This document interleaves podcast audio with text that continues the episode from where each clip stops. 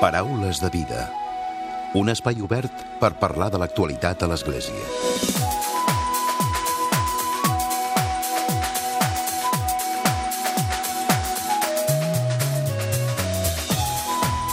Què tal? Salutacions i molt bon dia, molt bon diumenge. Hem deixat enrere una nova edició de la Setmana de Pregària per la Unitat dels Cristians, que ha plegat actes a les diferents diòcesis de Catalunya. Entre aquests actes hi ha hagut també una pregària ecumènica celebrada a la Catedral de Barcelona amb el lema Cerca la justícia i només la justícia. Entre els assistents a la pregària hi havia el director general d'Afers Religiosos, Marcelí Joan, i també la directora del Secretariat d'Ecumenisme de Barcelona, Montserrat Puig de Llívol.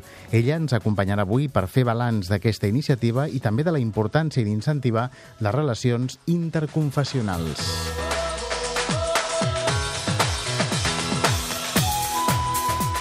La parròquia de Sant Cebrià de Barcelona és la primera església a Espanya que ha instal·lat plaques fotovoltaiques per autoabastir-se energèticament.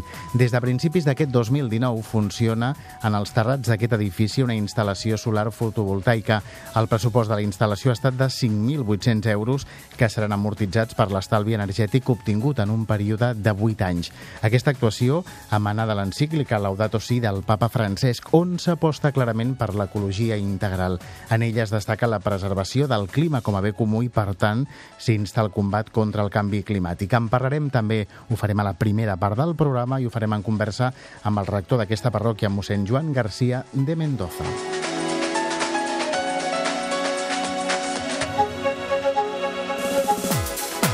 I com sempre, a la recta final del Paraules arribarà un nou comentari de l'actualitat de Francesc Romeu. Comencem.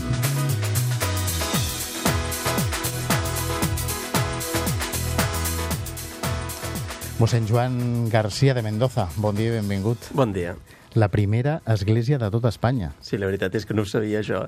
Jo he tirat pel dret i, i ara m'han dit, oh, és la primera. Dic, bueno... És, com a mínim pioners i, per tant, marcant un camí, no? un camí que s'ha de recórrer esperem també. Sí, no? Esperem que sí, perquè bueno, és una qüestió que no podem obviar i que hem de fer cas de, de la seva importància. Uh -huh. Plaques fotovoltaiques ja uh -huh. estan funcionant? Sí. Uh -huh. Quan es decideix fer-ho? Doncs la consciència ecològica a la parròquia ja fa temps que la treballem. Ja fa... Tenim un menjador social i ja fa un parell o tres d'anys que vam fer venir un expert que ens fes un anàlisi energètic de tota la parròquia. Quantitat de quilos de brossa que es produïa, separada, eh, quantitat de gasto d'aigua, quantitat de gasto elèctric, eh, element per element, aixeta per aixeta, bombeta per bombeta. Vam fer un anàlisi de tot el que produïa la parròquia.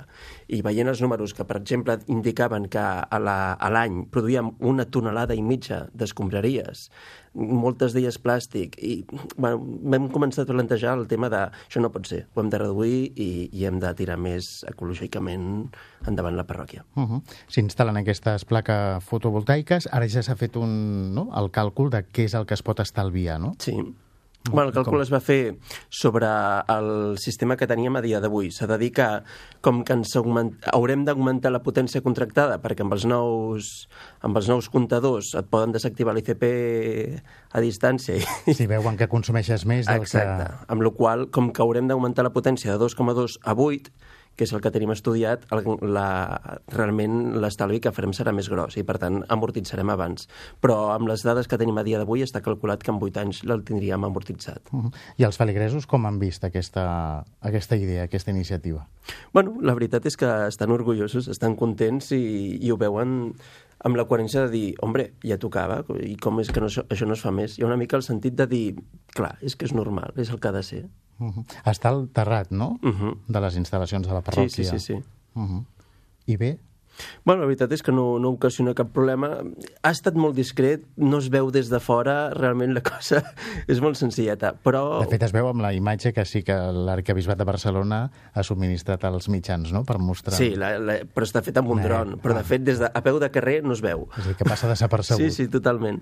Però tenim un terrat molt bo, molt xulo, molt adequat, perquè dona el sol durant totes les hores de son pràcticament i dona. Per tant, ho aprofitem tot. I quan més avanci el curs, més, més energia produirem. De fet, a dia d'avui l'estudi que tenim és que aquest mes hem gastat eh, des de que tenim instal·lat el sistema, 259 kilobytes per hora i n'hem produït 33 kilobytes per hora. I estem en possibilitat de produir-ne 33 més que no consumiríem però passaríem gratuïtament a la xarxa. Això en Joan ho està mirant des del mòbil, sí, no? Perquè tens el... Directament la informació a segon a segon que em va donant el sistema. Uh -huh. déu nhi no? Sí, sí, bueno, realment la producció no és molta perquè el gran gasto el fan energia blava, els calentadors d'aigua, el rentavagelles. Això, les plaques fotovoltaiques no ho poden assumir, però el gasto diari de les tres neveres, els dos congeladors i alguna llum que hi ha activada i algun, aquest gasto queda zero durant les hores de sol. I vulguis que no, doncs ja, a mesura que avanci el dia, seran 12 hores de 24 que no farem gasto. Uh -huh. Important, amb el rerefons, el tema ecològic, no? Sí. De fet, el papa Francesc eh, parla de... No? Papa Francesc, l'encíclica ens fa el record perquè no és que ho digui ell, és que l'Església cristiana en el seu magisteri ja conté la cura de, del món com a, com a obligació moral. I Déu, quan dona el món a l'home, no el dona perquè en faci abús, sinó perquè col·labori amb la seva voluntat creadora i de bondat del món. I l'ús que n'hem de fer nosaltres ha de ser un ús bondadors. No tenir una consciència ecològica, de fet, és col·laborar amb una estructura de pecat. Si la si el consum que porta a la producció de productes tòxics, de, de contaminació, etc és una estructura de pecat, l'Església ha de ser la primera que digui, senyors, hem de sortir d'aquí. La primera que ho ha de denunciar, no? Ho ha de denunciar... O, denunciar o, o alertar, no? Exacte, però no només denunciar, sinó també donar solucions i tirar endavant. I hem de ser els primers que donem exemple de tirem endavant un sistema més bo, més útil. I encara que no hi hagin ajudes públiques, o encara que ara mateix sembla que sigui dificultós, si nosaltres som els primers a fer-ho, potser facilitarem als altres que vegin que es pot fer i ja farem el que els polítics no estan fent, que és tirar endavant l'energia solar. Aquí sembla que només quan Europa obliga els senyors al 2021 això ha de ser i els polítics estan esperant fins al 2021 per aplicar-ho, siguem nosaltres els primers que diguin no, no, és que no és perquè ens obliguin, sinó perquè és bo per tothom. És a dir, que hi ha també desinterès polític o interès polític en què no es tirin endavant, no? Bueno, jo entenc que, que ha estat molt difícil i que encara a dia d'avui hi ha una cosa estúpida que és que l'energia que produïm de més no la podem passar a la xarxa perquè també ens la cobren. I això és una qüestió que telemàticament... no? La poden arreglar telemàticament simplement canviant una cosa del comptador. I no ho fan perquè no volen incentivar aquesta energia solar i no s'entén per motius de bé comú, per tant s'entén per motius personals i econòmics. Uh -huh. És la primera, com dèiem, a l'estat espanyol. No sé si, si això pot fer que a partir d'ara Sí, també hi ha, hi ha aquest ressò mediàtic no? de que aquesta parròquia ha instal·lat les plaques fotovoltaiques. Això pot fer que, que altres també s'interessin, o no sé si a nivell intern d'Església, de l'Arcabisbat, en aquest cas de Barcelona, eh, que s'animi a altres parròquies a fer-ho, o potser per la, la idiosincràsia d'aquesta parròquia sí que es pot fer. A veure, en primer lloc, jo espero que sí, que animi a tothom qui se n'enteri a plantejar-se, ostres, jo també puc fer-ho, perquè hi ha la por al, a l'impost al sol, i això s'ha d'obviar, perquè l'impost al sol a tu no t'aplica res no tens un, una producció de més de no sé quan. Nosaltres no arribem a aquesta producció, per tant, no es paga aquest impost al sol, a més a més que ja està derogat i per tant cal incentivar-ho. No pot ser que Alemanya, que tingui el clima a la mà, tingui més energia solar que Espanya, que és que un país amb molt més sol. Clar. Segon, des del bisbat, a nosaltres Clar, potser per ser pioners ens ha anat molt bé la cosa perquè ens han subvencionat la meitat de la instal·lació, amb la qual nosaltres... És a dir, que el cost ha estat pagat la meitat? La meitat l'ha pagat el bisbat i la meitat la parròquia, amb la qual nosaltres, amb menys de 3.000 euros, hem, hem aconseguit això i, per tant, ho amortitzarem, res, en 3-4 anys ja ho tindrem amortitzat. Uh -huh. I, I realment és una cosa que no són gaires diners perquè no... El car de l'energia solar són, són les bateries que acumulen l'energia de liti i, a més a més, tenen una vida útil de 20 anys. Per tant, quan les tens amortitzades ja les has de llençar i tornar-les a canviar. Això no és útil. Però posar només plaques de consum directe fa que no puguis dependre només d'energia solar, hagis de dependre també de, de les elèctriques. Eh, però, bueno, eh, fas una, un menor consum i un mm. consum en part més ecològic i això per mi ja val la pena, encara que no estalviéssim, el fet de fer un consum ecològic ja val la pena de per si. Si a més a més estalviem a llarg termini, escolta'm, doncs molt millor.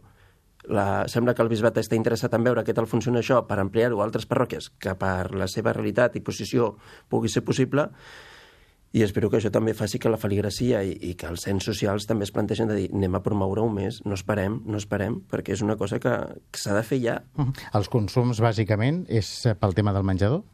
Bueno, els... sí, perquè nosaltres tenim dos comptadors. Tenim l'Església, per una banda, amb el seu comptador, i els locals parroquials, que són bàsicament càritas i menjador social, i després catequesis i altres activitats que s'hi fan, però el consum fort és el menjador que té les neveres, que té els congeladors, que té el rentavagelles, els termos de cafè i llet, tot el que donem per esmorzars. Uh -huh. Mossèn Joan, i abans d'acabar, ja que avui ens acompanyes, mm, quina és la realitat o el dia a dia de la parròquia de Sant Cebrià, a bueno, Barcelona? Cada dia tenim una quarantena de persones sense sostre que venen a esmorzar, de dilluns a dissabte. Atenem una, una vintena de famílies també de banc d'aliments, no de, de banc d'aliments parroquial, eh, i d'altres necessitats que tenen, i després doncs, tenim un, quatre misses dominicals, uns 200 feligressos, fem catequesis, reforç escolar i, i tot el que podem. déu nhi no? déu Bueno, sí, sí. Molta activitat encara és poca. Ah, bueno, i un, din, un menjador social que hem iniciat aquest any també, però no menjador social, sinó un dinar en companyia per a la gent gran que vulgui, un dia a la setmana. Venen a la parròquia i dinem juntament. Amb la gent gran? Bueno, sí, al principi era perquè no mengin sol, si no me'n vaig sortir, i al final el que he fet és dir, jo menjo sol, perquè no em veniu un dia a acompanyar? I ja venim, venen una vintena, trentena de persones a dinar amb el mossèn. déu nhi no? Sí, sí. És dir, de, diàriament. No, això no, un dia a la setmana. Un dia a la setmana. Sí, però, si no la cosa sem, sem, no, no, no donaria de ser. Uh -huh. Però bueno, vulguis que no és fer família, és fer comunitat i fraternitat. Uh -huh. Fraternitat que es fa des de la parròquia de Sant Cebrià de Barcelona. I avui ens ha acompanyat el seu responsable, mossèn Joan Garcia de Mendoza. Gràcies per haver-nos acompanyat. A vosaltres. Paraules de vida. Un espai obert per parlar de l'actualitat a l'Església. Ho hem dit a la portada del programa, parlarem també, farem balanç de la Setmana de Pregària per la Unitat dels Cristians. Ens acompanya a través del telèfon Montserrat Puig de Llívol, que és la directora del Secretariat d'Ecumenisme de Barcelona. Molt bon dia i benvinguda. Molt bon dia. Parlem d'aquesta Setmana de Pregària per la Unitat dels Cristians. Primer de tot, quin és el balanç que, que en fan? Bé, un any més hem celebrat aquesta setmana del 18 al 25 de gener. Eh, cada any, eh, la veritat és que són més tant el seguiment com el nombre d'actes que, que s'organitzen, tant per part de comunitats de l'Església Catòlica com per comunitats d'altres esglésies cristianes, tant ortodoxes com protestants. Mm -hmm. L'arcabisbat ho fa el primer dia de la setmana. L'any vinent serà doncs, important doncs, perquè farà 25 anys de la primera celebració ecumènica a la catedral, en la qual convidem a participar a tots els representants de les diferents confessions cristianes establertes a l'arxidiòcesi. Uh -huh. De fet, eh, a, la, a la catedral es va fer la pregària ecumènica, que amb el lema, com dèiem també a l'inici del programa, cerca la justícia i només la justícia. Comentem aquest lema, el, el de la recerca des del món cristià de la justícia. Sí, això ho hem d'emmarcar també una mica amb què eh, aquest any ho ha preparat doncs, Indonèsia eh? i hem de tenir en compte doncs, que eh, en allà les diferències socials eh, són molt grans eh, i això crea una gran injustícia. A Indonèsia només el 10% de la població són cristians i de tradicions diverses, no? I eh, aquesta injustícia també ha alimentat les divisions a l'Església ells han volgut donar una resposta comú a aquesta situació injusta i per això han proposat aquest text del Deuteronomi, no? de cerca la justícia i només la justícia. I encara que ens sembli, aquí a casa nostra eh, no estem exempts eh, d'aquestes injustícies socials. Uh -huh. De fet, sí, perquè es viuen i es viuen i es veuen no? aquestes injustícies, injustícies socials. A la pregària també, eh, Montserrat, van, es va parlar molt de dos termes importants, la reconciliació i també la concòrdia, no? que són també elements importants a tota la societat, no? Sí, i a més a més, doncs, eh, clar, per arribar a aquesta unitat doncs, que cerquem, eh, eh, cal dir que és un camí llarg i lent, no, no, no, no hi poden haver-hi presses, no? i eh, hem de mirar de trobar tot allò que ens uneix no? per anar avançant i per això és necessari fer aquest camí doncs, de, de cercar punts de concòrdia per poder arribar a aquesta reconciliació. Uh -huh. I es parlava dels testimonis de, dels cristians com a testimonis no? de, de la justícia? Sí, en aquesta part de testimonis, suposo que eh, feu referència també a les intervencions que, que hi va haver-hi. Tant per eh, banda de l'ortodoxia, que en aquest cas ho va fer eh, l'arximandrit Cristòlus, que ell és el, el rector de l'Església Ortodoxa Grega del Patriarcat de Constantinople a Barcelona, i eh, per banda dels protestants ho va fer Monsenyor Felicíssimo Cordero, que és bisbe de l'Església Carismàtica Episcopal Filipina. Cada un d'ells sí que va fer referència des d'aquest de, lema, eh, potser destacar que el padre Cristòdolos ho feia més des de la distinció entre la justícia divina i humana i Monsenyor Felicíssimo centrava potser més en les lectures que hi van haver durant el dia i ho feia des d'aquella moderació, servitud, la humilitat i el perdó. No? I també va ser important doncs, la homilia, que en aquest cas la va fer mossèn Josep Ramon Pérez, el degà de la catedral, que ho feia en representació de l'arcabisbe de, de Barcelona, i ell va animar els cristians a demanar perdó, ja que com a cristians tots estem cridats a donar testimoni comú de, en favor de, de la justícia. Uh -huh. A vegades costa, no?, el, el demanar el perdó. Sí, aquest és el treball que, que hem d'anar fent i que hem d'anar fent eh, dia a dia, no? Però eh, en aquí sí que podem trobar molts punts en comú eh, les diferents confessions, amb la qual això sí que ens pot ajudar doncs, a, a avançar, no? I, I una mica pelant aquestes paraules no? que deia doncs, eh, mossèn Pérez, no? de, de, de ser testimoni comuns tots a favor d'aquesta justícia. Uh -huh. Montserrat, són avui dia encara importants, oi, iniciatives com aquesta de la Setmana de Pregaria per la Unitat dels Cristians? Sí, a veure, són molt importants, però tampoc no poden quedar reduïdes aquesta setmana, sinó que s'han de mirar d'anar treballant durant tot l'any. Uh, aquí a casa nostra l'ecumenisme, vull dir, em refereixo aquí a Barcelona, s'ha anat fent sempre des de l'amistat i això ens permet doncs, anar avançant i treballant eh, promovent iniciatives conjuntes, sobretot en el, en el camp doncs, eh, social i de la caritat, i inclús en el de divulgació eh, cristiana, no? que hem de tenir present aquesta unitat, però també des de la diversitat. Eh, aquests dies que hi he pogut anar i assistit a diferents celebracions, eh, en totes elles es feia una crida a una unitat, vale? però amb aquest reconeixement de, que, eh, de la necessitat de buscar aquesta unitat des de la diversitat, eh, des de la diferència i no des de l'uniformisme. I aquest ha de ser el nostre gran repte. Clar, és el, el repte que, que té l'Església pels, pels propers anys, no? I el fet de que no, de que no es concentri, com diu, en una única setmana, sinó de manera constant, diàriament, no?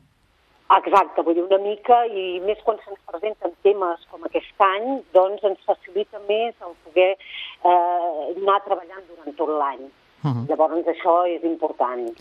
Montserrat Puig de Llívol, ella és la directora del Secretariat d'Ecumenisme de Barcelona. Gràcies per haver-nos acompanyat avui al Paraules de Vida.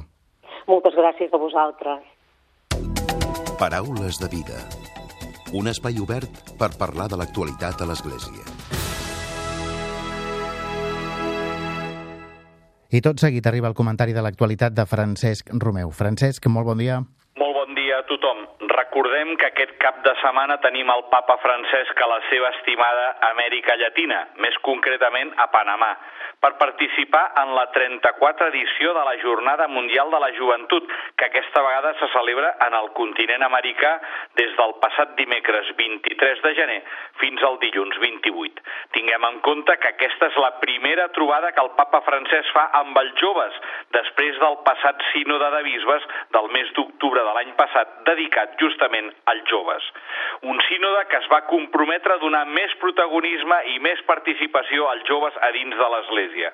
Per aquest motiu, el papa va inaugurar aquest diumenge passat una aplicació per als dispositius mòbils anomenada Click to Pray, per tal de poder pregar tots junts amb l'ús de les noves tecnologies.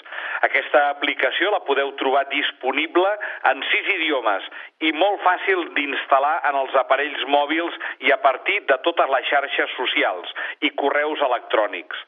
A dins de l'aplicació hi podeu trobar quatre grans seccions. La primera, prega amb el papa, que és on s'hi pot trobar aquelles intencions de pregària que el papa, a través d'un vídeo, ens proposa per fer cada mes.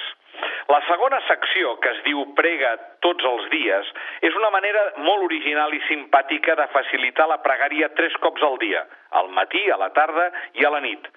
La tercera secció es diu Prega en xarxa, permet als usuaris d'aquesta aplicació de poder compartir les seves pregàries, de pregar els uns pels altres i de poder veure per quines causes s'està pregant, quantes persones estan pregant alhora per aquest mateix motiu i quines persones són.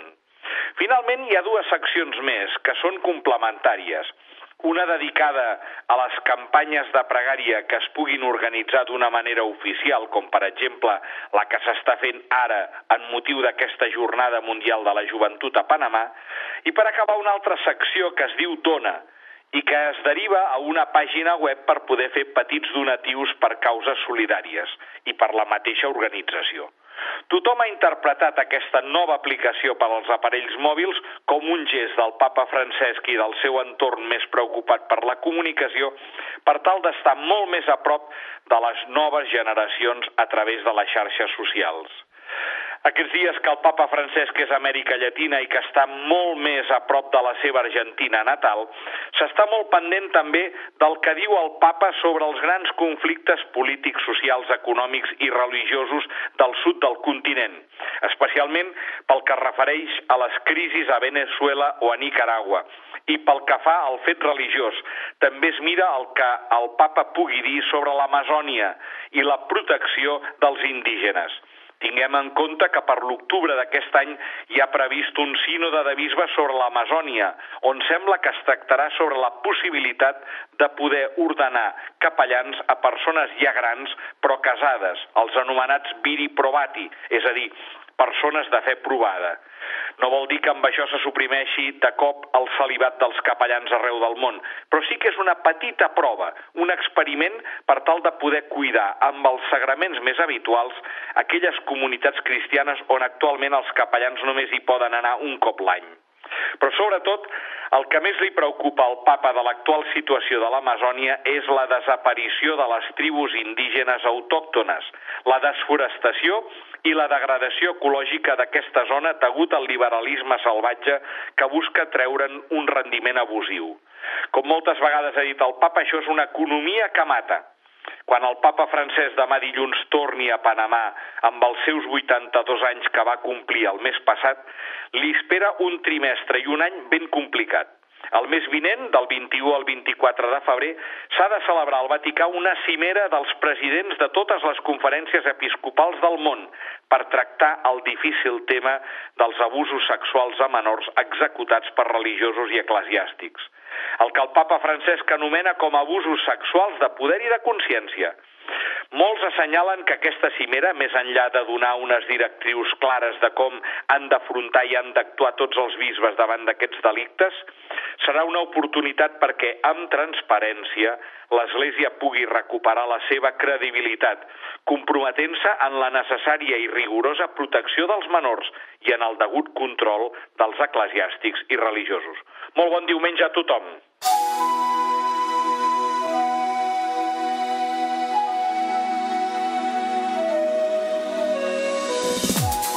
Fins aquí el Paraules de Vida d'aquesta setmana d'aquest diumenge. En Josep Maria Marçà ha estat el control tècnic i qui us ha parlat l'Emili Pacheco. Que passeu bon diumenge i una molt bona setmana.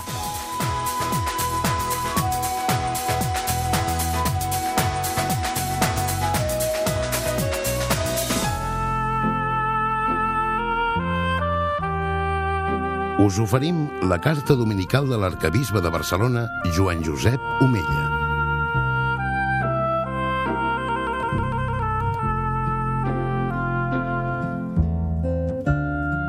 Déu vos guard. Aquest diumenge estem de celebració. Càritas Diocesana de Barcelona fa 75 anys que és present a la nostra diòcesi.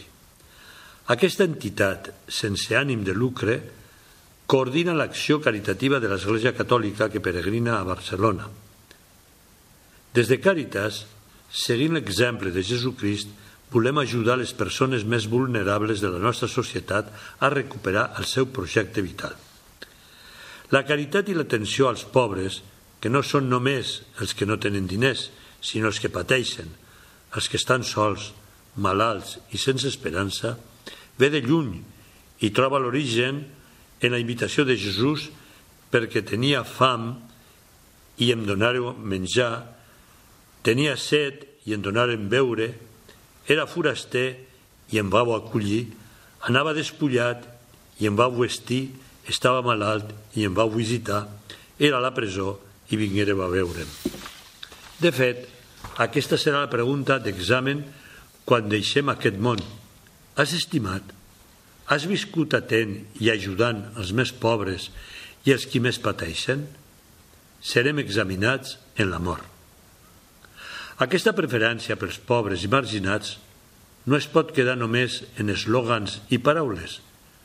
Cal que fem real l'exhortació que ens fa la paraula de Déu. No estimem només de paraula i amb la llengua, sinó amb obres i veritat.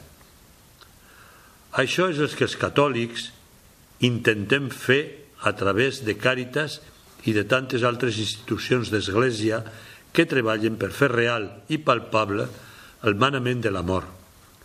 Gràcies, Càritas, per promoure, orientar i coordinar l'acció social, sensibilitzar la societat i denunciar situacions d'injustícia social. Com ens recorda el papa Francesc, aquesta acció caritativa no la podem separar de la gran missió que ha rebut l'Església, l'anunci de l'Evangeli. L'ésser humà no només té necessitat de béns materials, sinó que també té fam espiritual.